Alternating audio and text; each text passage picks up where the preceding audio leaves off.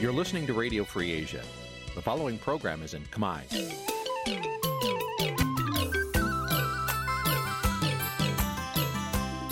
Nǐ chi càm bi tiệp xáy vệt chiu a zì sê ray នេះជាកម្មវិធីផ្សាយរបស់ Vithu Azisaray ជាភាសាខ្មែរ វត្តឈូអាស៊ីសេរីសូមស្វាគមន៍លោកអ្នកនាងទាំងអស់ពីរដ្ឋធានី Washington នៃសហរដ្ឋអាមេរិក បាទពីរដ្ឋធានីវ៉ាស៊ីនតោនខ្ញុំបាទសុនចន្ទថាសូមជម្រាបសួរលោកអ្នកនាងអ្នកស្ដាប់វិទ្យុអាស៊ីសេរីទាំងអស់ជាទីមេត្រីខ្ញុំបាទសូមជូនការផ្សាយសម្រាប់ព្រឹកថ្ងៃពុធ200ខែមករាឆ្នាំជូតតោស័កពុរសករាជ2564ត្រូវនឹងថ្ងៃទី2ខែធ្នូគ្រិស្តសករាជ2020បាទជាដំបូងនេះសូមអញ្ជើញលោកអ្នកនាងស្ដាប់ព័ត៌មានប្រចាំថ្ងៃដែលមានមេតិការដូចតទៅ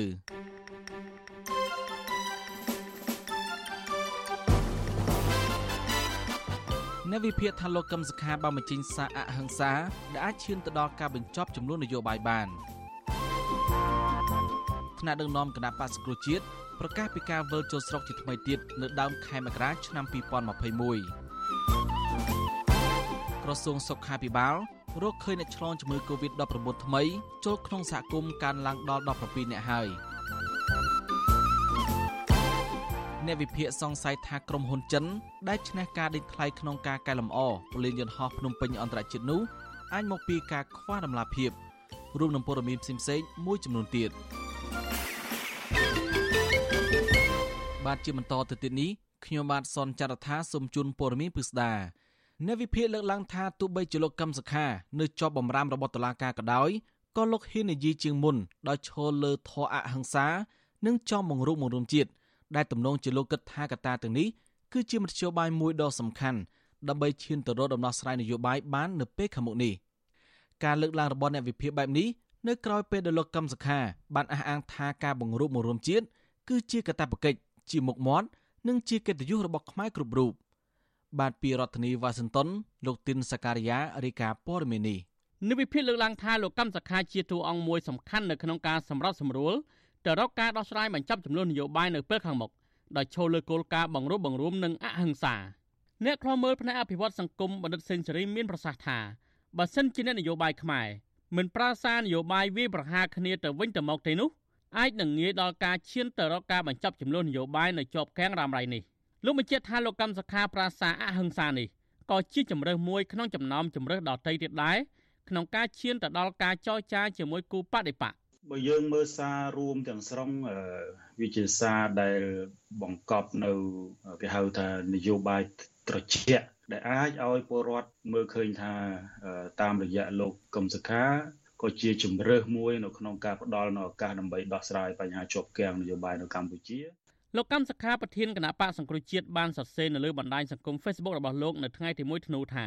ការបង្រួបបង្រួមខ្មែរគឺជាកាតព្វកិច្ចនិងជាកិត្តិយសរបស់ខ្មែរ ជាពិសេសរបស់ថ្នាក់ដឹកនាំគ្រប់រូបការកម្ចាត់គ្នានាំឲ្យបាត់បង់ពេលវេលានិងធនធាន ដើម្បីបម្រើ ការពារនិងកសាងមាតុភូមិកម្ពុជាដើម្បីខ្មែរទាំងអស់គ្នាលោកកម្មសខាបញ្ជាក់ថាបើយើងមិនលើកទឹកចិត្តឲ្យមានការរើសអើងសងសឹកគ្នាទៅនោះខ្មែរអាចរស់នៅដោយឯករាជ្យដោយសុខដុមរមនានិងដោយវឌ្ឍនភាពសម្រាប់ខ្មែរដូចគ្នាគ្រប់រូបការលើកឡើងរបស់លោកកម្មសខានៅថ្ងៃទី1ធ្នូនេះនៅស្របពេលមេដឹកនាំគណៈបកសង្គ្រោះជាតិដែលនិរទេសខ្លួន ប្រកាសពីផែនការវិលចូលស្រុកវិញនៅដើមខែមករាឆ្នាំ2021ខាងមុខសេចក្តីប្រកាសព័ត៌មានរបស់គណៈបកសង្គ្រោះជាតិនៅថ្ងៃទី1ធ្នូបានសម្រេចឲ្យអ្នកស្រីមូសង្ហួរ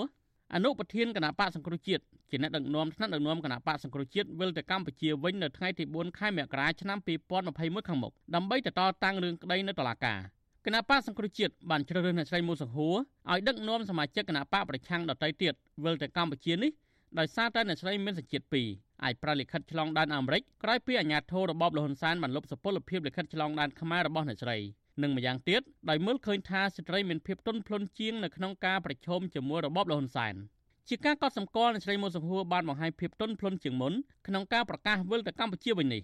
តែអ្នកស្រីអះអាងថាអ្នកស្រីនៅតែរឹងមាំក្នុងការបដិញ្ញាចិត្តដឹកនាំសមាជិកគណៈបកប្រឆាំងដែលកំពុងនិរទេសខ្លួននៅក្រៅប្រទេស វិលទៅកម្ពុជាវិញនៅពេលខាងមុខអ្នកស្រីមិនភ័យខ្លាចទោះបីជាត្រូវប្រឈមនឹងការចាប់ដាក់ពន្ធនាគារក៏ដោយហើយយើងខ្ញុំទៅដោយដៃទទេ មានតែដីកានឹងចរិកម្មទៅយកទៅទៅដោយសន្តិវិធីអហិង្សាដៃទទេសឹកចាត់ចាក់ចោះឲ្យទៅជាតិរស់បំរើជាតិជានិច្ចហើយទុកជូនពលរដ្ឋសូមមេត្តាទុកជូនឲ្យពលរដ្ឋមានជាឆន្ទៈពលរដ្ឋចាស់កាត់សេចក្តីយើងខ្ញុំកាត់ចោះប៉ុន្តែសូមឲ្យជាតិរស់ចាស់ អោយកុំឲ្យមានការឈឺចាប់បន្តទៅទៀតនេះជំនាញខាងវិជាសាស្ត្រនយោបាយលោកអែមសវណ្ណរាមមានប្រសាសន៍ថាគណៈបកសង្គ្រោះជាតិសម្រាប់ជ្រើសរើសយកអ្នកស្រីមូសង្ហួរជាមេដឹកនាំវិលទៅកម្ពុជាវិញនៅពេលនេះជារឿងល្អមួយដែលស្ត្រីអាចកាត់បន្ថយនឹងការប្រឈមមុខដាក់គ្នានៅក្នុងស្ថានភាពនយោបាយតានតឹងរវាងគណៈបកទាំងពីរ ក្នុងចំណោមគណៈប្រតិភូឬក៏ហៅថាគណៈកម្មការរបស់គណៈបក្សគ្រូជាតិដែលត្រូវវិលមកវិញនេះវិលបានខ្លះខ្លះវិលមិនបានទេអញ្ចឹងយន្តការនេះវាអាចឆ្លុះបញ្ចាំងថាយន្តការនៃការចូលមកទទួលទោសបើថាតឡាការកាត់ទោសពួកគេ sẽ ចោតអញ្ញាធិចោតប្រកាន់រដ្ឋមានទោសអញ្ចឹងត្រូវតែទទួលទោសនៅក្នុងយន្តការនៃការទទួលទោសនេះវាអាចជាសក្ខីកម្មមួយបញ្ជាក់ទៅសហគមន៍អន្តរជាតិអំពី បរិយាកាសនិងលំហសេរីភាពប្រជាធិបតេយ្យសិទ្ធិនយោបាយនៅកម្ពុជាដែលអាចជំរុញឲ្យសហគមន៍អន្តរជាតិនឹងយកចិត្តទុកដាក់កាន់តែច្រើនឡើងជាងបច្ចុប្បន្នភាពតើតើនឹងសាររបស់លោកកម្មសខាដែលចង់បង្រួបបង្រួមជាតិវិញនៅស្រីមុសហួរលើកឡើងថាលោកកម្មសខាជាមេដឹកនាំប្រកាន់ភ្ជាប់នៅវប្បធម៌អហិង្សាអ្នកស្រីបន្ថែមថាគណៈបកសង្គ្រោះជាតិនៅតែប្រកាន់ជំហរអហិង្សាក្នុងការដោះស្រាយបញ្ហាប្រទេសជាតិជានិច្ច លោកកម្មសខាប្រធានគណៈបកសង្គ្រោះជាតិកំពុងជាប់បណ្ដឹងដល់របបលហ៊ុនសែនបានចាប់ប្រកាន់ពីបទក្បត់ជាតិដែរនោះបានសរសេរថាក្នុងកលតិស័កនេះលោកយល់ច្បាស់ថាលោកមិនមានសិទ្ធិសេរីភាពពេញលេញចង់ធ្វើអ្វីចង់និយាយស្ដីអ្វីដើម្បីជាប្រយោជន៍ឲ្យបានច្រើនសម្រាប់មាតុភូមិកម្ពុជា សង្គមខ្មែរនិងប្រជាពលរដ្ឋជាទីស្រឡាញ់របស់លោកឡើយក៏ប៉ុន្តែអ្វីដែលលោកអាចធ្វើបាន ដោយមិនរំលោភច្បាប់ទម្លាប់ត្រឹមត្រូវឬមិនប៉ះពាល់ដល់សិទ្ធិអ្នកដទៃនោះគឺលោកព្យាយាមធ្វើតាមលទ្ធភាពដើម្បីខ្មែរទោះបីជាមានសមត្ថកិច្ចនៅកន្លែងខ្លះបានសហការគ្នាល្អបង្កលក្ខណៈងាយស្រួលកន្លែងខ្លះទៀតមានការតាមដានឃ្លាំមើលថតរូបថតសម្លេងសូម្បីតែក្នុងសកម្មភាពមនុស្សធម៌សកម្មភាពឯកជនជាមួយក្រុមគ្រួសារកន្លែងស្នាក់នៅនិងនៅពេលដែលធ្វើចំការផ្ទាល់ខ្លួនរបស់លោកក៏ដោយលោកកម្មសខាសរសេរបន្ថែមថាលោកដឹងច្បាស់ថាអ្វីដែលលោកអាចធ្វើបាន អ្វីដែលមិនអាចធ្វើបានទោះបីមានអ្នកខ្លះប្រឹងរុញច្រានឲ្យលោកចូលទៅក្នុងអន្ទាក់គេក៏ដោយក៏លោកនៅតែរក្សាជំហរអហិង្សាមិនយកខ្មែរណាជាសត្រូវមិនបង្កចំនួនមិនបង្កគ្រោះថ្នាក់ដល់អ្នកដទៃនិងប្រទេសជាតិរបស់ខ្លួនឡើយសំណេររបស់លោកកម្មសខានៅលើបណ្ដាញសង្គម Facebook នោះលោកកម្មសខាអះអាងថាលោកបានកំណត់ឲ្យថាប្រជាពលរដ្ឋខ្មែរជាជនរួមជាតិជាជនរួមឈាម ជាបងប្អូនរបស់លោកហើយប្រទេសកម្ពុជា ជាមាតុភូមិជាទឹកដីកំណើត ជាកន្លែងដែលលោកកើតរស់និងស្លាប់ដែលលោកមិនអាចបោះបង់និងមិនគាំទ្រដល់អ្នកណាដែលបង្ករងគ្រោះថ្នាក់ដល់ប្រជាពលរដ្ឋខ្មែរនិងមាតុភូមិកម្ពុជាឡើយទោះបីជាលោកស្ថិតនៅក្នុងស្ថានភាពណាក៏ដោយចុះនៅត្រង់ចំណុចនេះលោកអែមសវណ្ណរាមមានប្រសាសន៍ថាទោះបីជាលោកកម្មសខានៅជាប់បណ្ដឹងនៅតុលាការក្តីតែលោកហ៊ាននិយាយចំចំចំពោះការធ្វើទុកបុកម្នេញលើលោក លោកអែមសវណ្ណរាបញ្ជាក់ថាការលើកឡើងរបស់លោកកម្មសខាទំនងជាលោកចង់សម្ដៅទៅលើគណៈបកកណ្ដាលអំណាចច្រើនជាងអ្នកដែលអនុវត្តអ្នកនយោបាយដែលប្រើហិង្សាអ្នកធ្វើឲ្យខូចប្រយោជន៍ជាតិហ្នឹងវាមិនសំដៅតែទៅលើគណៈបកណាមួយទេសំដៅសំខាន់ទៅលើអ្នកដែលឆ្លុះប្រចាំបាននោះគឺគណៈបកកណ្ដាលអំណាចច្រើនជាងលោកកម្មសខាបានរៀបរាប់ពីសកម្មភាពរបស់លោកនៅក្នុងស្រុកថាក្នុងរយៈពេលប្រមាណជា3ខែចុងក្រោយនេះលោកអាចធ្វើដំណើរទៅតាមមូលដ្ឋានខ្លះ ដើម្បីចូលរួមក្នុងពិធីទំនៀមទម្លាប់ប្រពៃណីសាសនាខ្មែរបានចូលរួមក្នុងសកម្មភាពមនុស្សធម៌និងបានស្វែងយល់ពីជីវភាពរស់នៅរបស់បងប្អូនជនរួមជាតិដោយផ្ទាល់និងកាន់តែធ្វើឲ្យលោកអាណិតស្រឡាញ់និងដឹងគុណបំផុតចំពោះមាតុភូមិកម្ពុជា និងបងប្អូនជនរួមជាតិខ្មែរមិនអាចបោះបង់បានឡើយលោកកម្មសខាសង្កត់ធ្ងន់ថាទឹកដីយើងមានភូមិសាស្ត្រនិងធនធានធម្មជាតិអំណោយផលល្អណាស់ឲ្យតែគ្រប់គ្រងបានត្រឹមត្រូវមិនបំផ្លិចបំផ្លាញ រីឯប្រជាពលរដ្ឋខ្មែរភ័យច្រើនជាទូទៅ មានទឹកចិត្តល្អគួរឲ្យគោរពស្រឡាញ់តឡាការរបបលហ៊ុនសែនបានដកសិទ្ធិលោកកម្មសខាមិនឲ្យធ្វើនយោបាយជាង3ឆ្នាំមកហើយគិតចាប់ពីពេលដល់សមត្ថកិច្ចចាប់ខ្លួនលោកកាលពីខែកញ្ញាឆ្នាំ2017ដោយចាប់ប្រកាន់ថាខົບខិតជាមួយសហរដ្ឋអាមេរិកចង់បដូររំលំរដ្ឋាភិបាលមកទល់ពេលនេះតឡាការនៅមិនទាន់យកសំណុំរឿងលោកកម្មសខាមកជំនុំជម្រះជាថ្មីទៀតនៅឡើយទោះបីជាក្រុមមេធាវីរបស់លោកបានស្នើសុំឲ្យពន្លឿនយ៉ាងណាក្តី ដោយតុលាការលើកហេតុផលថាមកពីជំងឺ Covid-19 មិនអាចជួបជុំគ្នាច្រើនបានក្នុងពេលតុលាការបានបើកសវនាការជាទ្រង់ទ្រាយធំជំនុំជម្រះមន្ត្រីនិងសកម្មជនបកប្រឆាំងជាង100នាក់កាលពីពេលថ្មីៗនេះសហរដ្ឋអាមេរិកធ្លាប់បានចេញសេចក្តីថ្លែងការណ៍អះអាងថាប្រធានគណៈបកប្រឆាំងលោកកម្មសខាជាមនុស្សស្អាតស្អំនិងជំរុញឲ្យអាជ្ញាធរកម្ពុជាផ្ដល់សិទ្ធិពេញលេញដល់លោកកម្មសខាឡើងវិញដោយអត់លក្ខខណ្ឌក្រុមនៃវិភាគលើកឡើងថាមេដឹកនាំគណៈបកកណ្ដាលអំណាចនិងគណៈបកប្រឆាំង គួរតែបញ្ឈប់ការលៀបពណ៌ដាក់គ្នានឹងចោទប្រកាន់គ្នាទៅវិញទៅមកហើយងាកមកតុកចរចាវិញដែលជាជំរើសល្អជាងដើម្បីឈានទៅរកការបង្រួបបង្រួមជាតិពិតប្រាកដបានខ្ញុំធីនសាការីយ៉ាអសិរ័យប្រធានីវ៉ាស៊ីនតោនបាទលោកនាងជាទីមន្ត្រីពាក់ព័ន្ធនឹងគណៈបកប្រឆាំងដដែលនេះថ្នាក់ដឹកនាំគណៈបកសង្គ្រោះជាតិប្រកាសវិលចូលកម្ពុជាវិញជាថ្មីទៀតនៅថ្ងៃទី4ខែមករាឆ្នាំក្រោយដោយមានអ្នកស្រីមូសុខូជាអ្នកដឹកនាំគម្រោងនេះ គណៈបកកណ្ដាលអំណាចថាប្រសិនបើថ្នាក់ដឹកនាំគណៈបកប្រឆាំងហ៊ានវិលចូលស្រុកវិញមែននោះអាញាធននឹងចាប់ខ្លួនពួកគេតាមដីការបស់តុលាការបាទសូមអញ្ជើញលោកនាងស្ដាប់សេចក្តីដីកាមួយទៀតរបស់លោកទីនសកលយាអំពីរឿងនេះអនុប្រធានគណៈបកសង្គ្រោះជាតិអ្នកស្រីមូសហួរឲ្យដឹងថាគម្រោងវិលចូលកម្ពុជាវិញនេះគឺដើម្បីទៅតតាំងក្តីនៅតុលាការក្រុងភ្នំពេញដែលបានចោទប្រកាន់ថ្នាក់ដឹកនាំនិងសកម្មជនគណៈបកសង្គ្រោះជាតិជាង100នាក់ពីបទឧបឃាតបទរោងគំនិតក្បត់និងបទញុះញង់ អ្នកស្រីបញ្ជាក់ថាដំណើរវិលចូលស្រុកវិញលើកនេះមិនមែនដឹកនាំដោយលោកសំរងស៊ីដោយកាលពីថ្ងៃទី9វិច្ឆិកាឆ្នាំ2019នោះទេប៉ុន្តែគឺថ្នាក់ដឹកនាំនិងសមាជិកគណៈបកប្រឆាំងម្នាក់ម្នាក់ដែលជាប់បណ្ដឹងនៅតុលាការបដិញ្ញាចូលទៅកម្ពុជាវិញដោយខ្លួនឯងតាមការកោះហៅរបស់តុលាការអ្នកស្រីមូសុហួរសុំមិនបញ្ជាក់ពីចំនួននៃថ្នាក់ដឹកនាំគណៈបកសង្គ្រោះជាតិដែលនឹងវិលទៅកម្ពុជាវិញនោះទេប៉ុន្តែអ្នកស្រីប្រាប់ថាមនុស្សមួយចំនួនមកពីសហរដ្ឋអាមេរិក និងខ្លះទៀតមកពីប្រទេសបារាំងអ្នកស្រីសង្កត់ធ្ងន់ថាថ្នាក់ដឹកនាំគណៈបកសង្គ្រោះជាតិមួយចំនួនមានសញ្ជាតិពីរដូច្នេះពួកគាត់នឹងប្រលិខិតឆ្លងដែនសញ្ជាតិមួយទៀតដើម្បីធ្វើដំណើរទៅកម្ពុជាពីព្រោះរបបលហ៊ុនសែនបានលុបចោលលិខិតឆ្លងដែនកម្ពុជារបស់ពួកគាត់អស់ទៅហើយខ្ញុំមានសញ្ជាតិ 2ខ្ញុំនឹងដឹកនាំគណៈប្រតិភូអ្នកដែលមានសញ្ជាតិ2ហើយអ្នកដតីទៀតដែលអត់មានឯកសារអីទាត់តែសោះនោះចាអាហ្នឹងគាត់ក៏ខិតខំធ្វើយ៉ាងដេចឲ្យបានឯកសារធ្វើពួកយើងមានឆន្ទៈទៅទាំងអស់គ្នាអញ្ចឹងហើយបានជា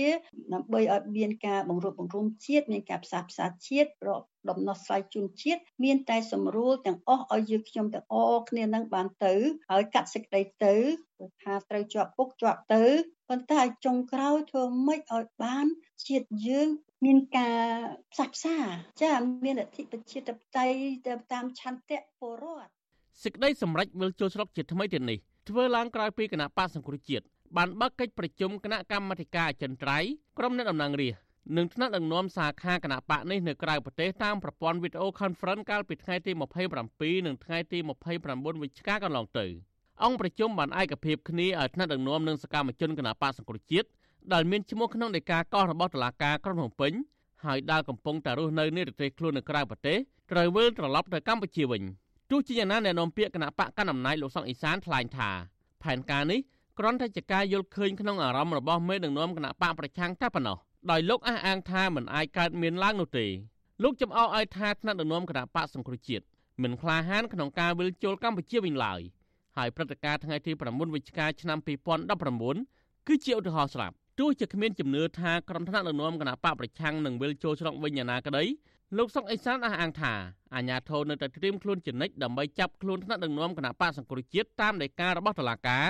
បើសិនជាពួកគេហ៊ានវិលមកកម្ពុជាមែននោះមនុស្សមានសំណុំរឿងរួចហើយអញ្ចឹងនេះមកគេអនុវត្តតែច្បាប់ទៅវាចប់បាត់ហើយមានបាច់បកស្រាយអីមានបញ្ហាអីរារាំងអីតែតែមកដល់ឃើញមុខគឺក្រឹបមក តែបើអ្នកណាអត់រឿងគេយកទៅសន្តាគារបើអ្នកណាមានរឿងគេយកទៅគុណពនាគារផ្ទុយពីការលើកឡើងរបស់មន្ត្រីជាន់ខ្ពស់គណៈបកកណ្ដាលអំណាចអនុប្រធានគណៈបកសង្គ្រោះជាតិនៅស្រីមូសុខួរថាថ្នាក់ដឹកនាំនិងសមាជិកគណៈបកសង្គ្រោះជាតិមិនខ្លាចនឹងជាប់ពន្ធនាគារនោះទេតែសំខាន់របបរបស់លោកហ៊ុនសែនត្រូវបើកផ្លូវឲ្យថ្នាក់ដឹកនាំនិងមន្ត្រីបកប្រឆាំងបានវិលចូលស្រុកជាមុនសិនអ្នកស្រីគូបញ្ជាក់ថា ថ្នាក់ដឹកនាំនិងសមាជិកគណៈបកសង្គ្រោះជាតិមានឆន្ទៈពិតប្រាកដក្នុងការចូលរួមនីតិវិធីរបស់តុលាការដូច្នេះអាជ្ញាធរត្រូវបើកផ្លូវឲ្យអ្នកស្រីនិងអ្នកផ្សេងទៀតអាចវិលចូលស្រុកវិញបានទាក់ទងនឹងបញ្ហានេះអ្នកជំនាញខាងវិទ្យាសាស្ត្រនយោបាយលោកអែមសវណ្ណរាជឿថាគណៈបកកណ្ដាលអំណាចនឹងមិនបើកផ្លូវឲ្យថ្នាក់ដឹកនាំគណៈបកប្រឆាំងវិលចូលស្រុកវិញក្នុងកលតិស័កបច្ចុប្បន្ននេះទេដរាបណាគ្មានអន្តរាគមឬសម្ពាធខ្លាំងពីសហគមន៍អន្តរជាតិ លោកបន្តថាថ្នាក់ដឹកនាំគណៈបកប្រឆាំងវិញក៏ទំនងជាមិនទាន់វិលមកកម្ពុជាវិញដែរបើសិនជាគ្មានការជំរុញឬការគ្រប់គ្រងពីសហគមន៍អន្តរជាតិទេនោះទោះជាយ៉ាងណាលោកអែមសវណ្ណរាយល់ថាគណៈបកប្រឆាំងនឹងមិនបាត់បង់ការគ្រប់គ្រងនោះទេទោះជាថ្នាក់ដឹកនាំគណៈបកនេះមិនអាចវិលមកកម្ពុជាវិញតាមការប្រកាសក៏ដោយព្រោះឧបសគ្គគឺការរារាំងរបស់អាជ្ញាធរមិនមែនជាឆន្ទៈរបស់ពួកគេឡើយ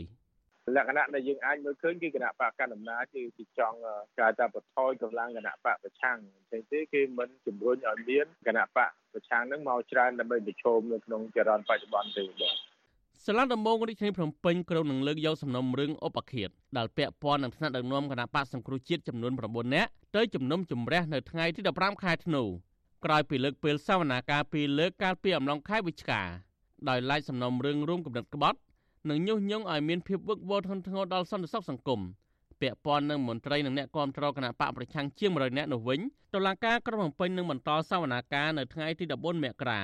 និងថ្ងៃទី4មិនិនាឆ្នាំ2021ខាងមុខក្រោយបើកសវនាការលើកដំបូងកាលពីព្រឹកថ្ងៃទី26វិច្ឆិកានាយិកាពិសេសអង្គការសហប្រជាជាតិទទួលបន្ទុកផ្នែកសិទ្ធិមនុស្សនៅកម្ពុជានៅជ្រៃរណាស្មីតបានចាត់ទុកដំណើរការក្តីប្រឆាំងនឹងសកម្មជនគណបកសង្គ្រោះជាតិនេះ គឺជាផ្នែកមួយនៃយុទ្ធសាស្ត្របំផិតបំភ័យនិងបំបាក់មុខគូប្រជែងរបស់រដ្ឋាភិបាលនៅជ្រៃគូបញ្ជាក់ថាដំណើរការក្តីនេះទំនងជាកើតចេញពីហេតុផលនយោបាយខ្វះមូលដ្ឋានច្បាប់ច្បាស់លាស់និងជាការរំលោភយ៉ាងធ្ងន់ធ្ងរលើសិទ្ធិទទួលបានសវនាការប្រកបដោយយុត្តិធម៌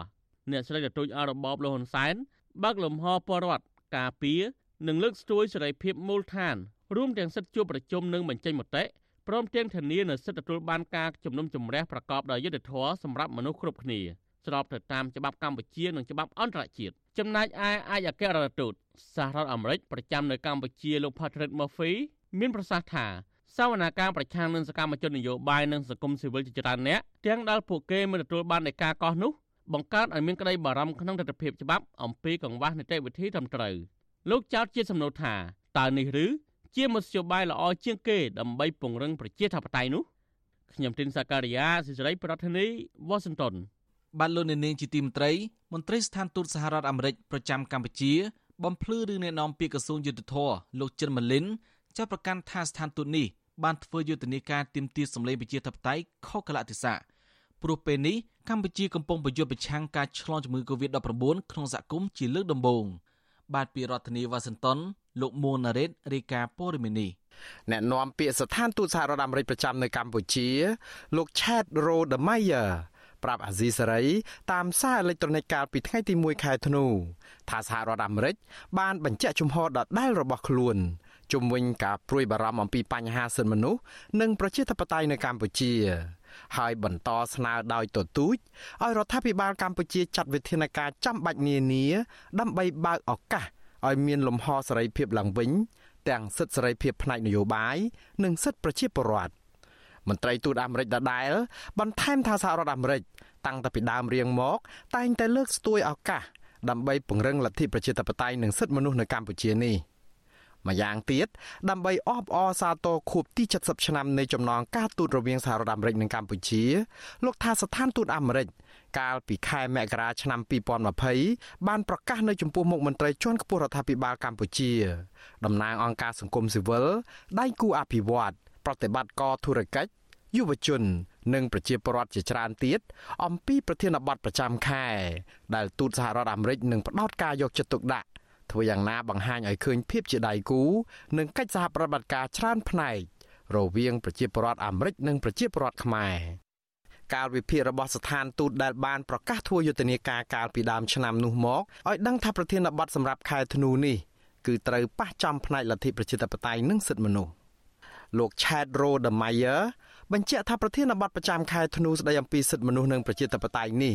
គឺតំណាងឲ្យភាពសំខាន់មួយនៃអាទិភាពនៃគោលនយោបាយការបរទេសរបស់សហរដ្ឋអាមេរិកដែលជាផ្នែកសំខាន់មួយនៃទំនាក់ទំនងទ្វេភាគីនៃប្រទេសទាំងពីរនិងម្យ៉ាងទៀតខែធ្នូនេះមានព្រឹត្តិការណ៍ប្រចាំឆ្នាំមួយដែលប្រព្រឹត្តទៅនៅថ្ងៃទី10គឺទិវាសិទ្ធិមនុស្សរបស់អង្គការសហប្រជាជាតិផ្ទុយពីអ្វីដែលមន្ត្រីស្ថានទូតអាមេរិកបញ្ជាក់អំពីការវិភាគនៃប្រធានបទប្រចាំខែជាក់លាក់និងបានប្រកាសតាំងពីខែមករាមកនោះ អ្នកនាំពាក្យក្រសួងយុតិធធលោកចិនម៉ាលីនទំនងជាគិតថាស្ថានទូតអាមេរិកទើបតែបង្កើតព្រឹត្តិការណ៍នេះនៅពេលនេះតែប៉ុណ្ណោះលោកបានសរសេរសារនៅលើគណនី Facebook របស់លោកកាលពីថ្ងៃទី1ខែធ្នូដោយហៅប្រធានបទប្រចាំខែនោះ ថាជាយុទ្ធនាការធ្វើខុសកាលៈទេសៈលោកចិនម៉ាលីនបន្តថាពេលនេះជាកលៈទេសៈដ៏លំបាកមួយដែលកម្ពុជាកំពុងតែទទួលរងការវាយប្រហារពីជំងឺ Covid-19 និងគួរតែជាពេលដែលស្ថានទូតអាមេរិករួមទាំងអង្គការសិទ្ធិមនុស្សជាតិនិងអន្តរជាតិផ្សេងទៀតផងរួមគ្នាចូលរួមជាមួយនឹងរដ្ឋាភិបាលកម្ពុជានៅក្នុងការធ្វើសកម្មភាពទប់ស្កាត់ការរីករាលដាលនៃការឆ្លងជំងឺនេះចូលដល់សហគមន៍ដើម្បីទទួលបានការគ្រប់គ្រងនិងស្វាគមន៍ពីប្រជាជាតិខ្មែរនៅទូទាំងប្រទេសលោកចិនម៉ាលីនអះអាងថាសិទ្ធិរស់រានមានជីវិតសំខាន់ជាងសិទ្ធិណាណាទាំងអស់ សាររបស់មន្ត្រីជាន់ខ្ពស់នៃរដ្ឋាភិបាលកម្ពុជា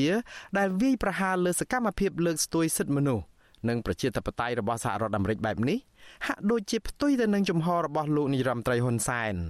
ដែលកាលពីខែវិច្ឆិកាឆ្នាំ2019បានឆ្លើយឆ្លងតាមលិខិតទៅវិញទៅមកជាមួយនឹងប្រធានាធិបតីសហរដ្ឋអាមេរិកលោក Donald Trump ដោយបញ្ជាក់អំពីបំណងពង្រឹងចំណងមិត្តភាពរវាងប្រទេសទាំងពីរដែលមានភាពរកាំរកូសជាច្រើនឆ្នាំមកហើយនោះ។ លោកហ៊ុនសែនកាលនោះថាលោកនឹងក្រុមការងារកិច្ចការបរទេសរបស់កម្ពុជា ធ្វើការជាមួយនឹងក្រុមការងារកិច្ចការបរទេសរបស់សហរដ្ឋអាមេរិក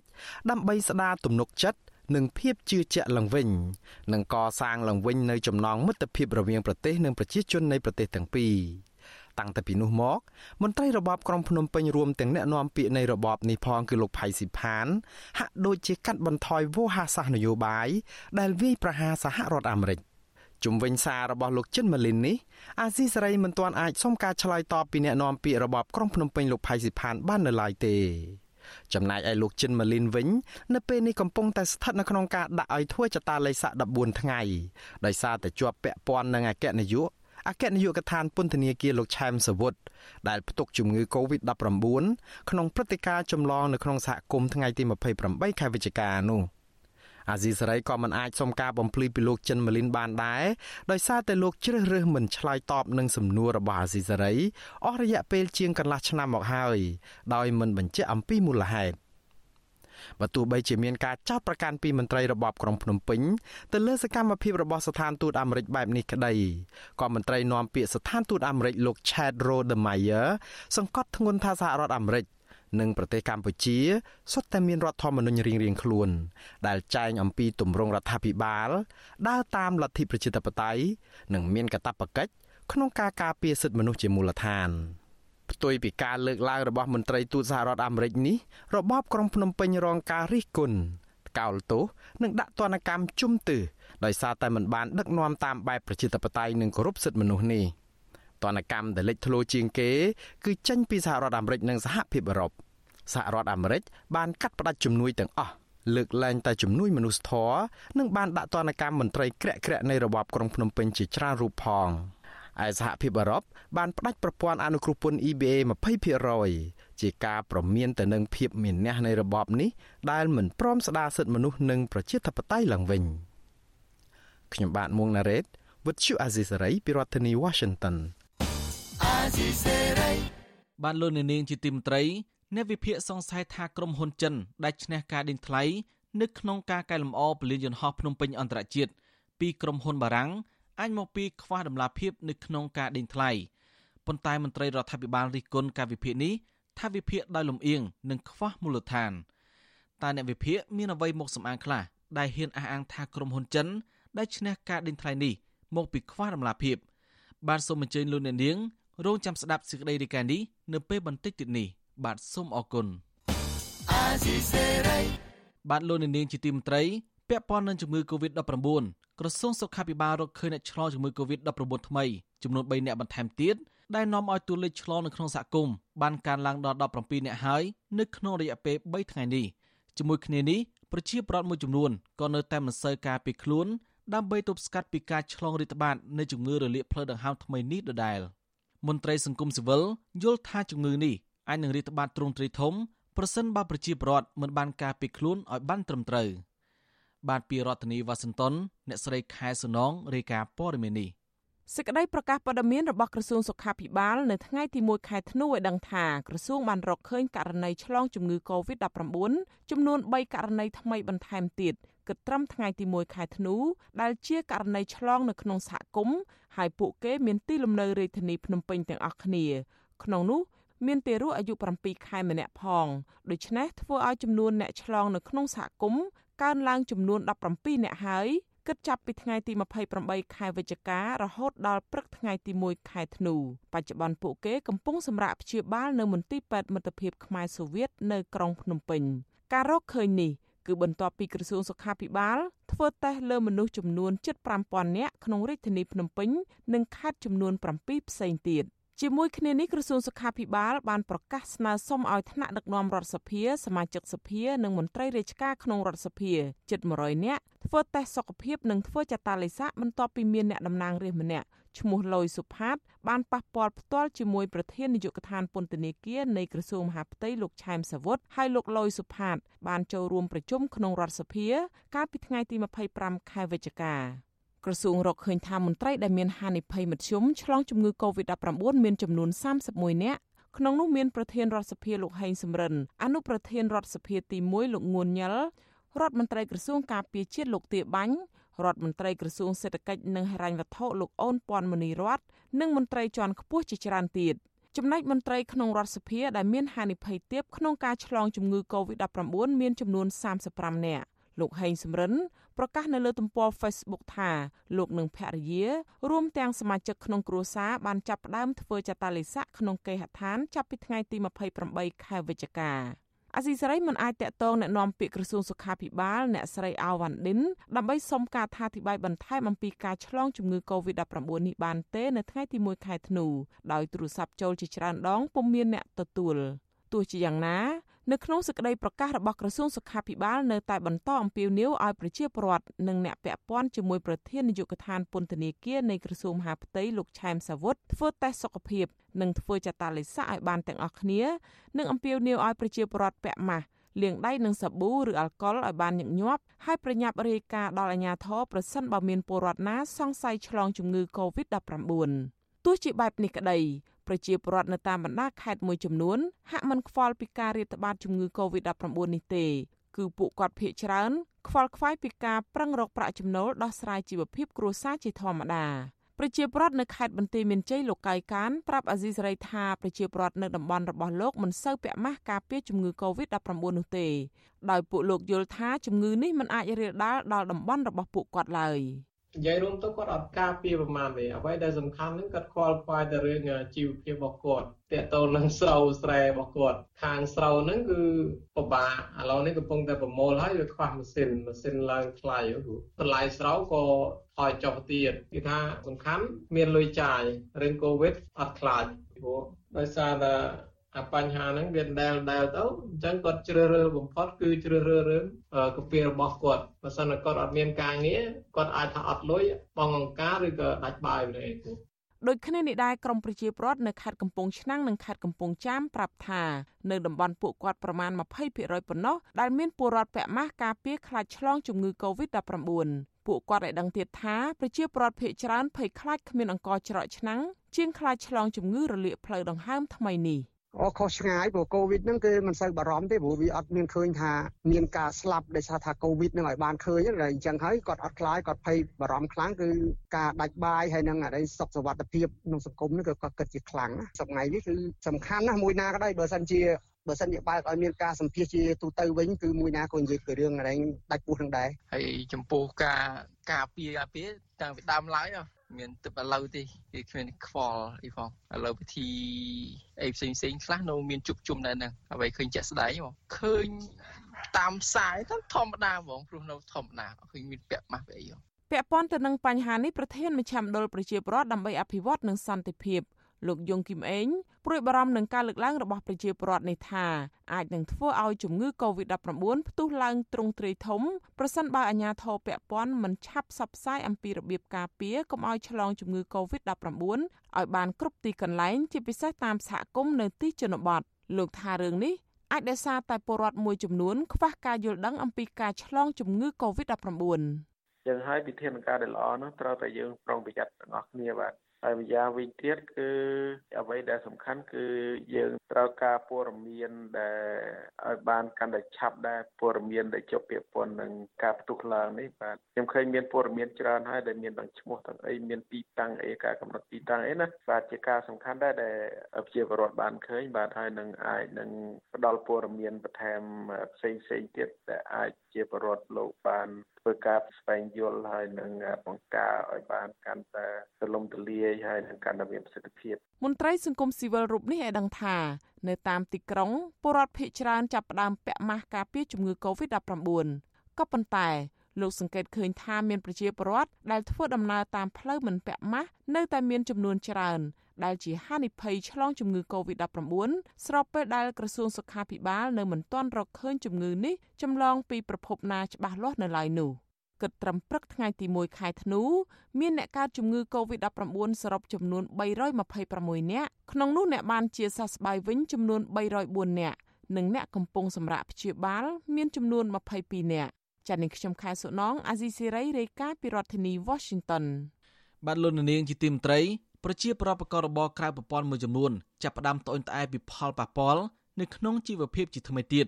ដោយសារតែការភ័យខ្លាចក្រោយផ្ទុះជំងឺ Covid-19 នៅក្នុងសហគមន៍ឬហៅថាព្រឹត្តិការណ៍ឆ្លងក្នុងសហគមន៍28វិច្ឆិកា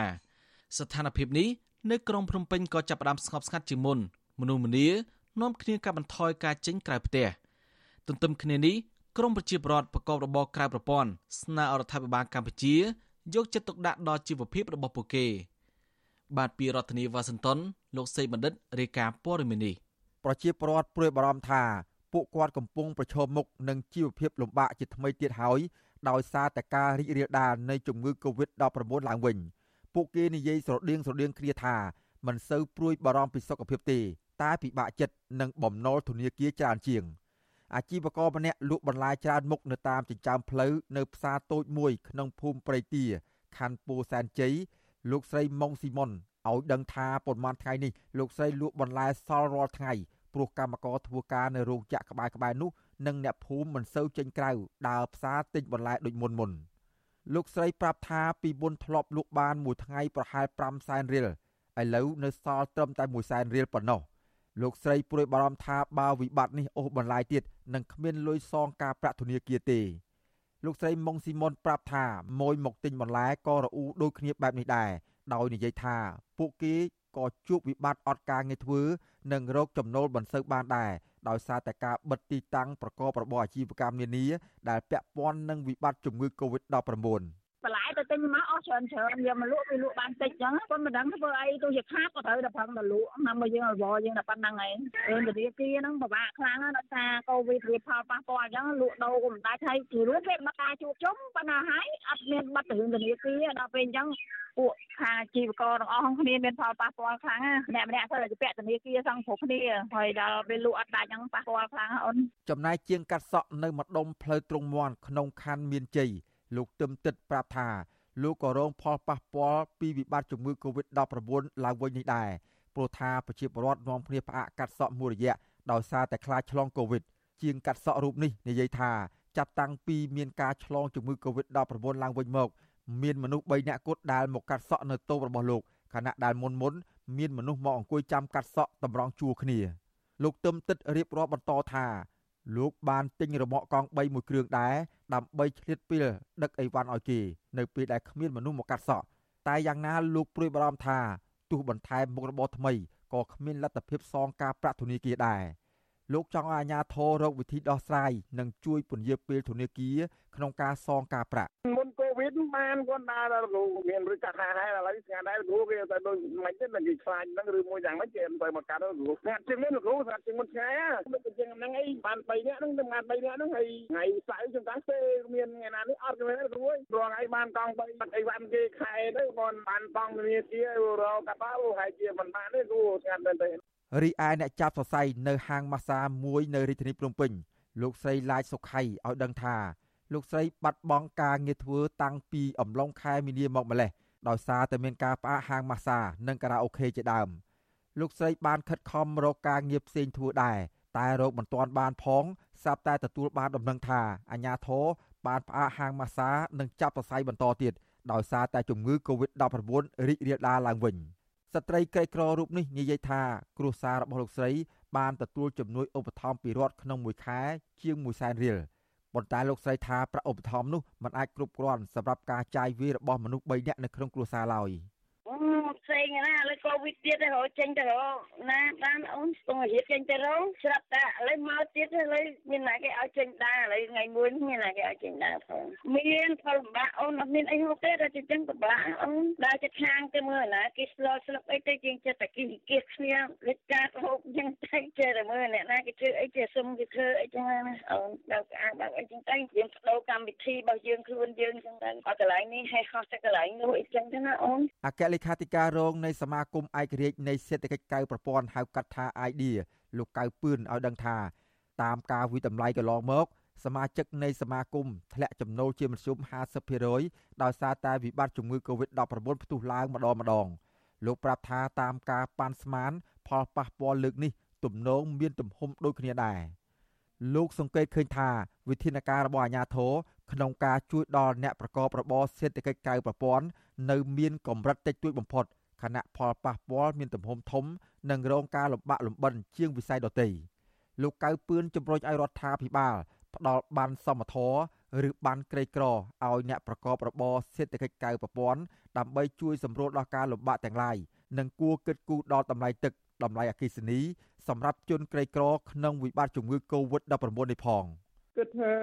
មានអីជួយច្រើនជាងនឹងទៀតដូចជាទឹកភ្លើងអីភាគច្រើនអ្នកក្រហ្នឹងបងច្រើនជាងអ្នកធម្មតាអ្នកមានហ្នឹងអញ្ចឹងរត់គួរតែគិតគូរតែពីមុនឃើញគាត់គិតគូរខាងវិស័យកាត់ដេរហ្នឹងប៉ុន្តែវិស័យផ្សេងផ្សេងទៀតហ្នឹងគាត់មិនបានគិតគូរទៅអញ្ចឹងការបងលុយថ្លៃទឹកថ្លៃភ្លើងនោះដូចជាមិនថាអ្នកក្រគួរតែបងតិចជាងអ្នកធម្មតាអ្នកមានប៉ុន្តែអ្នកក្របែរទៅជាបងច្រើនជាងអ្នកធម្មតាគឺអ្នកមានអាហ្នឹងវាគួរតែរត់យកចិត្តទុកដាក់ដែរហ្នឹងហ្នឹងហើយចំណុចដែលរត់គួរជួយបានគួរជួយ តកតោនឹងករណីនេះអាស៊ីសេរីនៅពុំទាន់អាចសុំការឆ្លើយតបពីអ្នកនាំពាក្យក្រសួងសង្គមគិច្ចនិងអតីតយុវជនយុវនីតិសម្បទាលោកតូចចាន់នី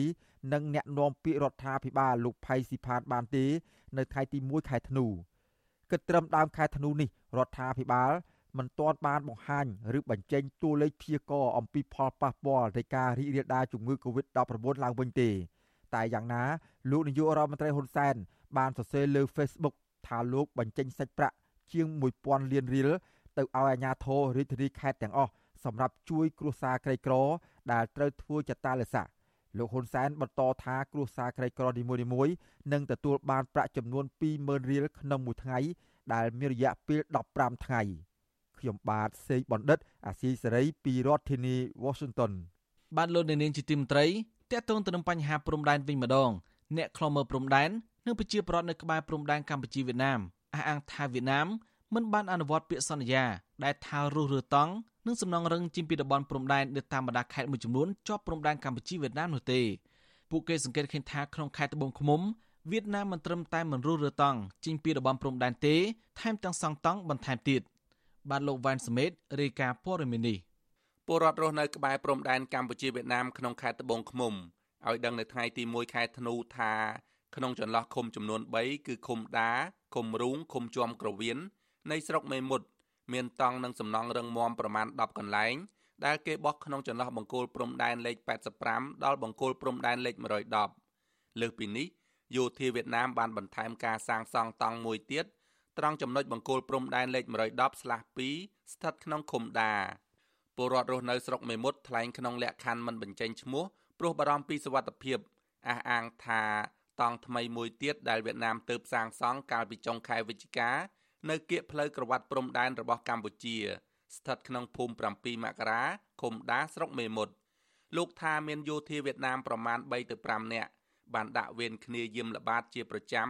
មិនឃើញសមត្ថកិច្ចខ្មែរចុះពិនិត្យនៅឡើយទេ ចំណែកពលរដ្ឋបានត្រឹមតែលួចមើលនិងថតរូបពីចម្ងាយដោយលាក់លៀមព្រោះខ្លាចអាជ្ញាធរខ្មែរធ្វើបាប និងគំរាមកំហែង។ បោះហ្នឹងវានៅជាប់ក្បាត់ព្រំដែនផ្លូវជាប់ផ្លូវដែលផ្លូវខ្សែក្បាត់ព្រំដែនហ្នឹងបងអាញាធរហ្នឹងដូចថាមិនដែលហ៊ានអីទៅតវ៉ាជាមួយវៀតណាមទេវៀតណាមថាដំណើរដំណងតាមពិតដីហ្នឹងពលរដ្ឋដែលអាស្រ័យផលហ្នឹងតាំងពីឆ្នាំ82មក1982អីនោះនៅខិតពីហ្នឹងទៅប្រហែល1គីឡូដីទៀតពលរដ្ឋម្នាក់ទៀតគឺលោកជាវិរៈប្រាប់អសីសេរីថា ក្នុងចន្លោះបង្គោលព្រំដែនលេខ98ក្នុងឃុំរូងស្រុកមេមត់មានតង់វៀតណាមចំនួន3គេសង់រយៈពេលជាង3ខែមកហើយនិងមានតង់ជាច្រើនកន្លែងទៀតតាមបណ្ដោយព្រំដែនក្នុងស្រុកមេមត់មិនទាន់ឃើញវៀតណាមរុះរើចេញនៅឡើយទេ លោកអះអាងថាមានតង់ខ្លះបានរំកិលគៀកចូលមកដីខ្មែរនៅចន្លោះបង្គោលព្រំដែនលេខ95 ការសន្យារវាងភាគីយូនហើយនិងភាគីកម្ពុជានេះគ្រាន់តែជាឆាកលខោនបំភាន់ភ្នែកប្រជាជនតែប៉ុណ្ណោះជាស្ដែងខាងយូននឹងដូចជាគ្មានការអនុវត្តអនុវត្តតែតំបន់ណាដែលប្រជាពលរដ្ឋលោកខ្វល់ខ្វាយឈឺឆ្អាលតំបន់ហ្នឹងអាជ្ញាធរយូនហាក់ដូចជាមានការភ័យខ្លាចក៏ប៉ុន្តែតំបន់ខ្លះដែលប្រជាពលរដ្ឋខ្មែរយើងមិនខ្វល់មិនខ្វាយមិនគិតមិនគូរហ្នឹងអាជ្ញាធរយូនហ្នឹងនៅតែបន្តបោះតង់តាមបណ្ដោយខ្សែបន្ទាត់ព្រំដែនហ្នឹង អាស៊ីសេរីបានព្យាយាមតាក់ទងអភិបាលខេត្តត្បូងឃ្មុំ លោកជាមច័ន្ទសុភ័ណ្ឌនិងទេសរដ្ឋមន្ត្រីទទួលបន្ទុកកិច្ចការព្រំដែនលោកវ៉ាកំហុងដើម្បីសុំការបំភ្លឺរឿងនេះតែទូរស័ព្ទហៅចូលជាច្រើនដងគ្មានអ្នកទទួលនៅថ្ងៃទី1ខែធ្នូកាលពីចុងខែកក្កដាកន្លងទៅអគ្គស្នងការរងនិងជាអ្នកនាំពាក្យអគ្គស្នងការដ្ឋាននគរបាលជាតិលោកឆាយកឹមខឿនប្រាប់អាស៊ីសេរីថាវៀតណាមបានបោះតង់ចំនួន287កន្លែង នៅតំបន់ដែលមិនទាន់ឯកភាពរបស់បង្គោលព្រំដែននៃភូមិសាស្ត្រខេត្តកណ្ដាលខេត្តតាកែវព្រៃវែងស្វាយរៀងកំពតត្បូងឃ្មុំរតនគិរីនិងខេត្តមណ្ឌលគិរីអាជ្ញាធរខ្មែរអះអាងថាមានខេត្តចំនួន2គឺខេត្តស្វាយរៀងនិងខេត្តកណ្ដាលវៀតណាមបានរុះរើតង់និងសំណង់រឹងចេញទាំងអស់បន្ទាប់ពីមានការសន្ទនាតាមវីដេអូ conference រវាងលោកនាយករដ្ឋមន្ត្រីហ៊ុនសែននិងលោកឃ្វៀនសួនហ្វុក នាយករដ្ឋមន្ត្រីវៀតណាមកាលពីថ្ងៃទី24ខែវិច្ឆិកា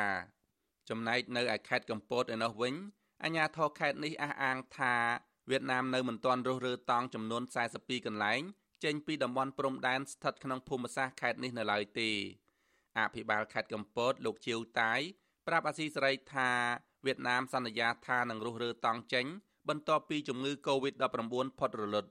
มันមានអីរឹងទេគ្រាន់តែជាសំណង់ដូចយើងជំរាបអញ្ចឹងអ្វីដែលមានពីមុនមកនៅដដែលវាអត់ប្រែអាហ្នឹងប្រកបព្រំដែននៅខេត្តកពតវាមានតែ24ទេអញ្ចឹងវាមានបដ ாய் ហ្នឹងវាមានទីនេះនៅកំពង់ស្រាជាតែវាពាក់ព័ន្ធនៅក្នុងបដ ாய் ខ្សែបន្តព្រំដែនកម្ពុជាវៀតណាមជាមួយគ្នានេះដែរសមាជិកក្រុមការងារ100រាត្រីលោកឃឹមសុខុមមិនទាន់ស្ងប់ចិត្តនៅឡើយទេដរាបណារដ្ឋាភិបាលនៅតែរដ្ឋបិទ និងហាមមិនអោយពលរដ្ឋចុះទៅពិនិត្យតំបន់ព្រំដែនលោកថារដ្ឋាភិបាល គួរតែផ្សព្វផ្សាយឲ្យបានទូលំទូលាយអំពីបញ្ហានេះមិនគួររារាំងនិងគំរាមកំហែងចំពោះអ្នកដែលឈឺឆ្អាលបញ្ហាព្រំដែននោះទេ គាត់តែងតែចុះទៅមើលហើយតែងតែមានការរឹតបន្តឹងពីអាជ្ញាធរមូលដ្ឋានដល់ពេលអញ្ចឹងទៅយើងវាអត់អស់ចិត្តណា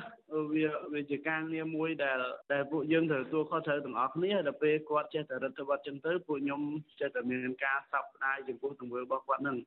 ចំណែកតំណាងរាជគណៈបកសង្គ្រោះជាតិលោកអ៊ុំសំអាន ដែលកំពុងរស់នៅសហរដ្ឋអាមេរិកសង្កេតឃើញថាវៀតណាមមិនបានអនុវត្តតាមការសន្យានោះទេ ហាក់ដូចជាមានល្បិចកលដើម្បីឈ្លានពានទឹកដីកម្ពុជា លោកថារដ្ឋាភិបាលកម្ពុជាហាក់ដូចជាទុនជ្រាយក្នុងការដោះស្រាយបញ្ហានេះឲ្យជ្រះស្រឡះ កន្លងមកនឹងមានកិច្ចព្រមព្រៀងច្រើនមានកិច្ចសន្យាច្រើនមានដូចជាកិច្ចព្រមព្រៀងឆ្នាំ1995ហាមមិនអោយធ្វើអ្វីថ្មី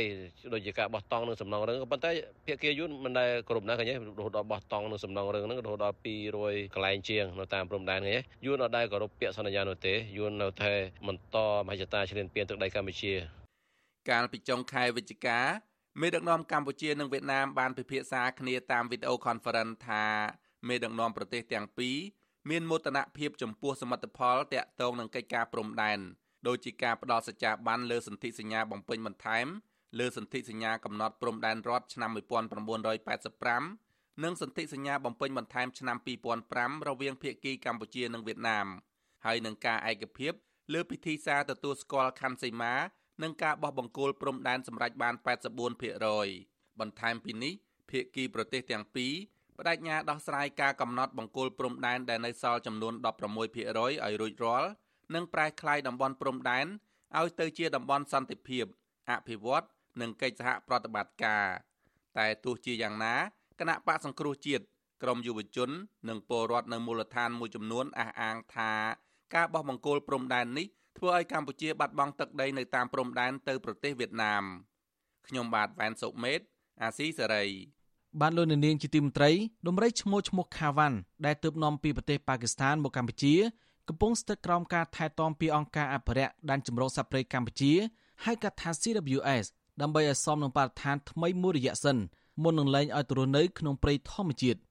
ទំព័រ Facebook របស់អង្គការនេះឲ្យដឹងថាជំរងបណ្ដោះអាសន្នដែលគេរៀបចំនៅភូមិភិយប់ខេត្តសៀមរាបខាវ៉ាន់បានជួបប្រស័យជាលើដំបូងជាមួយដំរីញីឈ្មោះឌីប៉ូព័ត៌មានពីក្រសួងបរិស្ថាន ឲ្យដឹងថានៅពេលដែលខាវ៉ាន់សមនឹងបរិយាកាសថ្មីនេះអង្គការ CWS នៅនាំខាវ៉ាន់ឲ្យទៅរស់នៅក្នុងដែនជម្រកសត្វព្រៃគូលែនព្រំទេពក្នុងខេត្តរដូវមានជ័យអង្គការ CWS នឹងបន្តថែទាំដំរីខាវ៉ាន់រួមជាមួយនឹងដំរីញី3ក្បាល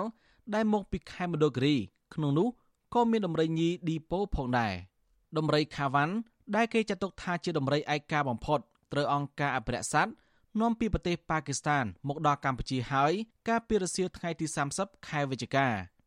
ក្រុមអ្នកការពារសិទ្ធិរបស់សត្វរួមជាមួយអ្នកចម្រៀងអាមេរិកាំងអ្នកស្រីសែបានធ្វើយុទ្ធនាការជាច្រើនឆ្នាំឲ្យដោះលែងដំរីខាវ៉ាន់ពីសួនសត្វក្នុងក្រុងអ៊ីស្លាមាបាតនិងនាំដំរីមួយនេះមកកម្ពុជា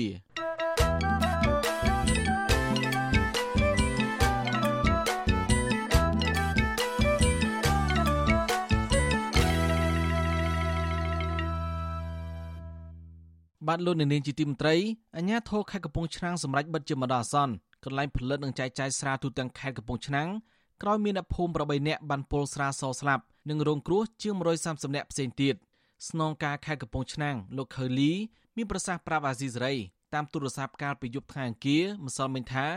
អាញាធរក៏បានប្រមូលស្រាសទៅនេះនិងក្រុងកំទេចចោលក្រោយដែលពិនិត្យរកឃើញថាការផលិតស្រាសទៅនេះខុសបច្ចេកទេសដោយដាក់បញ្ចូលជាតិមេតាណុលខ្ពស់ហួសហេតុ រហូតដល់ទៅជាង10%បិទឥឡូវហ្នឹងបិទដកហូតស្រាហ្នឹងយកមកទុកឲ្យបំផ្លាញចោលព្រោះដាក់ទៅវាពលមនុស្សស្លាប់ពលហ្នឹងធ្វើឲ្យមនុស្សពលឡើង100ជាងអ្នកកន្លែងលក់ហ្នឹងគឺថាឲ្យតែមានគឺដកទាំងអស់ពលហ្នឹងវាតាមគូចេក៏ថាឲ្យតែដាក់ มันពីជិលដល់ពី3ម៉ោងហ្នឹងនឹងអាចពជាស្លាប់បានចឹងបានថាយកទៅពីនេះទៅឃើញដល់ខុសបច្ចេកទេសទៅយើងខ្ញុំគ្នាតែចុះទឹកបិទតាមកន្លែងណាដែលមានជាពលចឹងណាបងគេហទំព័រអគ្គនាយកដ្ឋានការពារអ្នកប្រាស្រ័យកិច្ចការប្រគល់ប្រជែងនិងបង្ក្រាបការក្លែងបន្លំរបស់ក្រសួងពាណិជ្ជកម្មកាលពីថ្ងៃទី1ខែធ្នូបានចុះផ្សាយថាក្រោយពីមន្ត្រីជំនាញសហការជាមួយនឹងអាជ្ញាធរខេត្តកំពង់ឆ្នាំងចុះទៅពិនិត្យទីតាំងកើតហេតុ ស្ថិតនៅក្នុងឃុំជីប្រងឃុំជីបស្រុកទឹកផុសនិងសិប្បកម្មផលិតស្រាចំនួន8កន្លែងផ្សេងទៀតមកលទ្ធផលតេស្តបង្ហាញថាសំណាក់ស្រា5គំរូក្នុងចំណោមសំណាក់16គំរូមានផ្ទុកសារជាតិមេតាណុលចន្លោះពី10.5ទៅ17.25%ដែលលើសពីកម្រិតអនុញ្ញាតដែលមានត្រឹមតែ0.15%តែប៉ុណ្ណោះអភិបាលរងខេត្តកំពង់ឆ្នាំងលោកអមសុភា ដែលទទួលបន្ទុកផ្នែកសុខាភិបាល បានប្រាប់ VOD ថាអ្នកភូមិ8នាក់បានស្លាប់គិតត្រឹមថ្ងៃអង្គារទី1ខែធ្នូនេះក្នុងនោះរួមមានអ្នកភូមិម្នាក់ទៀតដែលបានស្លាប់នៅក្នុងភូមិក្រាំងស្គីចំណែកប្រធានមន្ត្រីពេទ្យបង្អែកខេត្តកំពង់ឆ្នាំងលោកទុំសម្បត្តិបានប្រាប់ VD ដែរថាគិតត្រឹមរសៀលថ្ងៃទី1ខែធ្នូនេះអ្នកភូមិ131នាក់ត្រូវបានបញ្ជូនទៅព្យាបាលនៅមន្ទីរពេទ្យនានានៅក្នុងនោះមានស្រី6នាក់ផងលោកបន្តថាបច្ចុប្បន្នអ្នកភូមិ127នាក់ បានជាសះស្បើយហើយបានត្រឡប់ទៅផ្ទះវិញខណៈ4នាក់ផ្សេងទៀតបន្តសម្រាប់ព្យាបាលនៅមន្ទីរពេទ្យនៅឡើយនៅខេត្តកំពង់ឆ្នាំងដដែលនេះក្រៅពីករណីពលស្រាសកាលពីថ្ងៃទី28ខែវិច្ឆិកាក៏មានករណីពលទឹកអណ្ដូងផងដែរអ្នកភូមិមួយនៅក្នុងស្រុកទឹកផុសខេត្តកំពង់ឆ្នាំងកាលពីថ្ងៃទី28ខែវិច្ឆិកាបានស្លាប់2នាក់និងជាង10នាក់ផ្សេងទៀតត្រូវបានបញ្ជូនទៅសង្គ្រោះបន្ទាន់នៅមន្ទីរពេទ្យ ក្រោយពេលដែលពួកគេបាននាំគ្នាទទួលទានទឹកអណ្ដូងនៅតាមវាលស្រែនៅពេលសម្រាប់បាយថ្ងៃត្រង់មន្ត្រីសុខាភិបាលថាមូលហេតុដែលនាំឲ្យពលនេះសង្ស័យថាអាចបណ្ដាលមកពីថ្នាំពុលសម្រាប់សត្វល្អិតដែលកសិករបាញ់ស្រូវហើយហូរចូលទៅក្នុងទឹកអណ្ដូងដែលប្រជាពលរដ្ឋទទួលទាននោះបានលោកនាងជាទីមត្រីអាញាធរកម្ពុជាកំពុងសហការជាមួយអាញាធរក្នុងប្រទេសចិនដើម្បីអន្តរាគមជួយសង្គ្រោះស្ត្រីខ្មែរ ដែលជួបការរំលោភបំពាននៅក្នុងប្រទេសចិនអ្នកនាំពាក្យក្រសួងការបរទេសលោកកុយគួងបានប្រាប់អាស៊ីសេរីតាមបណ្ដាញ Telegram កាលពីយប់ថ្ងៃទី1ខែធ្នូម្សិលមិញ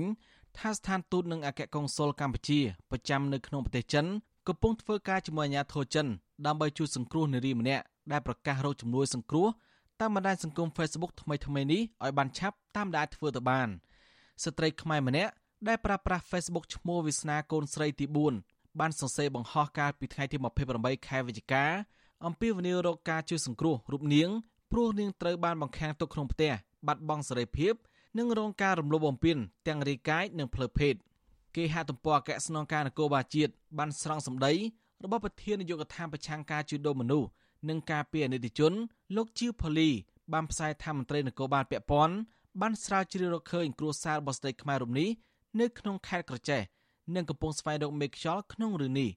លោកថាអាញាធរមានព័ត៌មានជាមូលដ្ឋានរួចហើយនឹងបន្តសហការជាមួយអាញាធរចិនស្វែងរកដំណោយពីទីស្នាក់នៅនិងមធ្យោបាយជាក់លាក់ដើម្បីជួយសង្គ្រោះតកតងទៅនឹងបញ្ហាស្ត្រីខ្មែរជួបបញ្ហារំលោភបំពានក្នុងប្រទេសចិននេះដែរព័ត៌មានពីគេហទំព័រកែស្នងការនគរបាលជាតិឲ្យដឹងដែរថាអាញាធរកម្ពុជាក៏កំពុងសហការជាមួយអាញាធរចិនជួយស្ត្រីខ្មែរម្នាក់ទៀត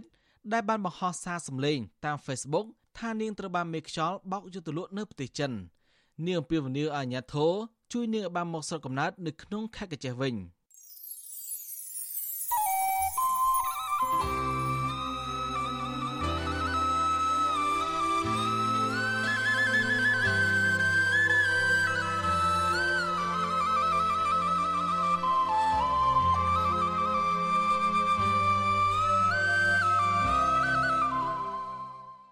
បានលោកនាងជាទីមត្រី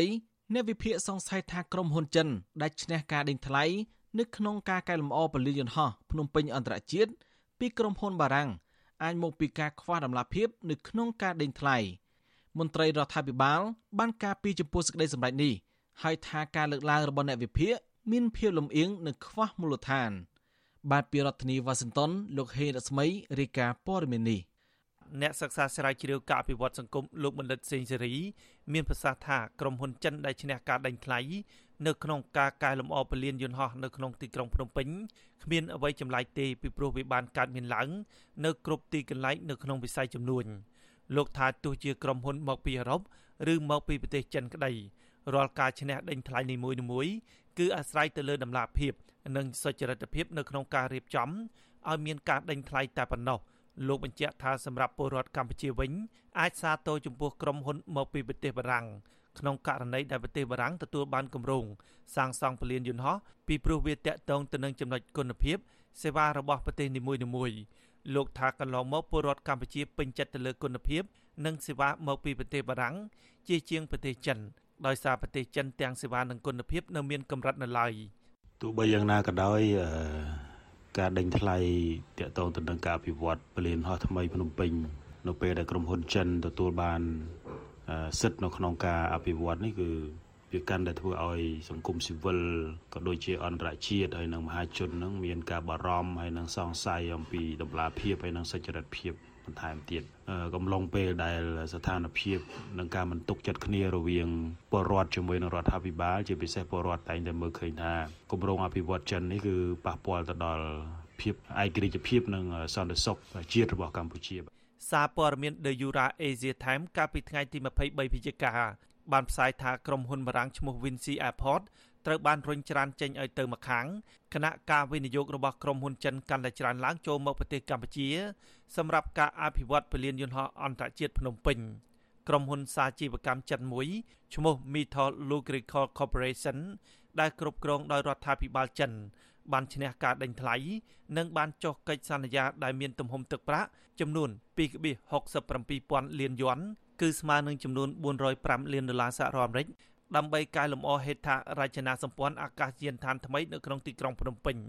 បច្ចុប្បន្ននេះកម្ពុជាមានអាកាសយានដ្ឋានចំនួន3នៅក្នុងទីក្រុងភ្នំពេញខេត្តសៀមរាបនិងខេត្តព្រះសីហនុដែលគ្រប់គ្រងដោយក្រុមហ៊ុនមួយដែលមានឈ្មោះថា Cambodia Airport ដែលក្រុមហ៊ុនបារាំងឈ្មោះ Vinci ជាអ្នកមើលការខុសត្រូវរាល់ប្រតិបត្តិការរបស់ពួកគេ។ កាសែតដដាលបានផ្សាយថាជាផ្នែកមួយនៃគំនិតផ្ដួចផ្ដើមខ្សែក្រវ៉ាត់នឹងផ្លូវរបស់ប្រទេសចិនប្រទេសកម្ពុជាបានទទួលប្រាក់កម្ចីរាប់ពាន់លានដុល្លារពីរដ្ឋាភិបាលនិងក្រុមហ៊ុនឯកជនពីប្រទេសចិនអ្នកនាំពាក្យនឹងជារដ្ឋលេខាធិការអាកាសចុះស៊ីវិលលោកជាអូនមានប្រសាសន៍ថាការចោទប្រកាន់ថាចិនមានឥទ្ធិពលលើកម្ពុជាមិនត្រឹមត្រូវទេលោកអះអាងថានៅសហរដ្ឋអាមេរិកនិងនៅអឺរ៉ុបក៏មានក្រុមហ៊ុនចិនមួយចំនួនបានដេញថ្លៃនិងទទួលបានការសាងសង់ផងដែរ តើបញ្ហាប្រទេសទាំងនោះទទួលសម្ពាធពីចិនដែរឬយ៉ាងណាលោកបន្តថាកម្ពុជាត្រូវការពង្រីកពលានយន្តហោះឲ្យប្រកបទៅដោយគុណភាព និងទៅតាមស្តង់ដារអន្តរជាតិនៅពេលដែលសួរថាតើក្រុមហ៊ុនចិន សាងសង់ល្អនិងមានគុណភាពល្អជាងក្រុមហ៊ុនបារាំងដែរឬទេលោកជាអូនថានៅក្នុងប្រទេសចិន មានពលានយន្តហោះធំធំខ្នាតអន្តរជាតិជាច្រើនដែលធ្វើឲ្យកម្ពុជាអាចជាទុកចិត្តចំពោះគុណភាពសាងសង់មកពីប្រទេសចិន ពលានយន្តហោះនេះគេធ្វើសម្រាប់ឲ្យយន្តហោះចុះហើយយន្តហោះនេះមិនមែនយន្តហោះធម្មតាទេយន្តហោះដែលហោះមកពីប្រទេសអឺនានាក្នុងពិភពលោកហ្នឹងពីប្រទេសអស់ហ្នឹងគឺសិទ្ធិប្រទេសដែលមានស្តង់ដារណាណាបើពលានយន្តហោះហ្នឹងធ្វើទៅអត់ស្តង់ដារត្រឹមត្រូវគេមិនហោះមកទេអាហ្នឹងទៅយល់អញ្ចឹងណាលោកជាអូនបានបញ្ជាក់ថាបើទោះបីជាក្រុមហ៊ុនចិនឈ្នះការដេញថ្លៃនេះក៏ពិតមែនក៏លោកថារដ្ឋាភិបាលមិនបានដេញក្រុមហ៊ុនបារាំងចេញនោះទេ ពលគឺទាំងក្រុមហ៊ុនចិននិងក្រុមហ៊ុនមកពីប្រទេសបារាំងនៅតែធ្វើការជាមួយគ្នានៅឡើយតែលោកមិនបានបញ្ជាក់លម្អិតថារវាងក្រុមហ៊ុនបារាំងនិងក្រុមហ៊ុនចិនតើពួកគេធ្វើការជាមួយគ្នាបានយ៉ាងដូចម្តេចនោះអាស៊ីសេរីបានព្យាយាមតាក់ទងក្រុមហ៊ុន Vinci Airport របស់បារាំងតាមរយៈអ៊ីមែលកាលពីថ្ងៃទី25វិច្ឆិកាតែតំណាងក្រុមហ៊ុនបានឲ្យតាក់ទងអគ្គនាយកផ្នែកទំនាក់ទំនងពលានយន្តហោះប្រចាំប្រទេសកម្ពុជា គឺលោកខេកនរិនដាវិញ ទោះជាយ៉ាងណាលោកខេកនរិនដាបានបដិសេធមិនធ្វើអត្ថាធិប្បាយតាមទូរស័ព្ទកសែតខ្ញុំអត់អត់ឆ្លើយតាមទូរស័ព្ទទេគឺអ៊ីមែលមកខ្ញុំមកអត់ឆ្លើយតាមទូរស័ព្ទទេអាស៊ីសេរីក៏បានផ្ញើអ៊ីមែលទៅលោកខេកនរិនដាក៏ប៉ុន្តែលោកបាយជាឆ្លើយថារាល់សេចក្តីថ្លែងការណ៍របស់ក្រុមហ៊ុនមិនត្រូវផ្សាយចេញជាសាធារណៈទេចាប់តាំងពីឆ្នាំ1995មកអាកាសយានដ្ឋាននៅក្នុងប្រទេសកម្ពុជា គ្រប់គ្រងដោយក្រុមហ៊ុន Vinci Airport របស់ប្រទេសបារាំងដែលរដ្ឋាភិបាលក្រុងភ្នំពេញបានជួលឲ្យរយៈពេល45ឆ្នាំដើម្បីគ្រប់គ្រងអាកាសយានដ្ឋានអន្តរជាតិចំនួន3គឺអាកាសយានដ្ឋានភ្នំពេញអន្តរជាតិខេត្តសៀមរាបនិងខេត្តព្រះសីហនុការស្ថាបនាកែលម្អអាកាសយានដ្ឋានភ្នំពេញអន្តរជាតិដែលនឹងត្រូវធ្វើឡើងវិញដោយក្រុមហ៊ុនបុតសម្ព័ន្ធរបស់ក្រុមហ៊ុនសៀងហៃបាវគ្រប់នឹងរាប់បញ្ចូលទាំងផ្លូវយន្តហោះរត់ចម្ងាយ4000ម៉ែត្រនិងទទឹង60ម៉ែត្រ ផ្លូវឡានសម្រាប់រថយន្តតាក់ស៊ីចូលដឹកអ្នកដំណើរនិងបំពាក់គ្រឿងបរិក្ខារទំនើបទំនើបជាច្រើនទៀតការស្ថាបនានេះទំនងជានឹងបញ្ចប់នៅចុងឆ្នាំ2022ខាងមុខនេះក្រុមហ៊ុន Vinci Airport របស់ប្រទេសបារាំងបានកាន់កាប់ភាគហ៊ុនប្រមាណ70%និងក្រុមហ៊ុនវិនិយោគម៉ាឡេស៊ីកម្ពុជាឈ្មោះ Muhabat Masteron កាន់កាប់ភាគហ៊ុនប្រមាណ30%នៅកម្ពុជាខ្ញុំបាទហេងរស្មី អាស៊ីសេរីពីរដ្ឋធានី Washington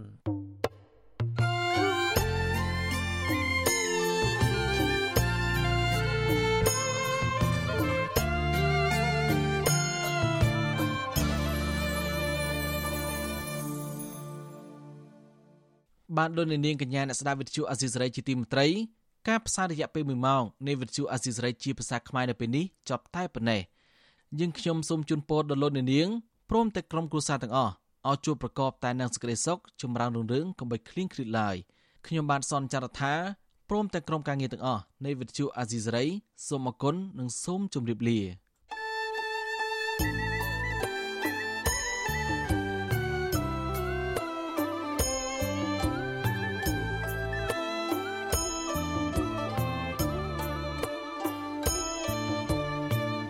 វិទ្យុអាស៊ីសេរីផ្សាយតាមរលក ធារកាសខ្លីឬ short wave តាមកម្រិតនិងកម្ពស់ដូចតទៅនេះពេលព្រឹកចាប់ពីម៉ោង5កន្លះដល់ម៉ោង6កន្លះតាមរយៈរលក ធាតុអាកាសខ្លី9390 kHz ស្មើនឹងកម្ពស់ 32m និង11850 kHz ស្មើនឹងកម្ពស់ 25m ពេលយប់ចាប់ពីម៉ោង7កន្លះដល់ម៉ោង8កន្លះតាមរយៈរលក ធាតុអាកាសខ្លី9390 kHz ស្មើនឹងកម្ពស់ 32m និង15155 kHz ស្មើនឹងកម្ពស់ 20m លោកអ្នកនាងក៏អាចស្ដាប់ការផ្សាយផ្ទាល់តាមប្រព័ន្ធអ៊ីនធឺណិតដោយចូលទៅគេហទំព័រ www.rfa.org/ ខ្មែរ ក្រៅពីនេះលោកអ្នកនាងក៏អាចអាននិងទស្សនាព័ត៌មានវិទ្យុអាស៊ីសេរីលើទូរស័ព្ទដៃរបស់លោកអ្នកផ្ទាល់សូមលោកអ្នកនាងចូលទៅកាន់បណ្ដាញសង្គម Facebook ដែលមានអាសយដ្ឋាន www.facebook.com/rfa cambodia និង YouTube www.youtube.com/rfa khmer video សូមលោកអ្នកនាងចុច like និងចុច Subscribe ដើម្បីទទួលបានព័ត៌មានថ្មីៗនិងទាន់ហេតុការណ៍និងទស្សនាវីដេអូផ្សេងៗទៀតបានគ្រប់ពេលវេលា។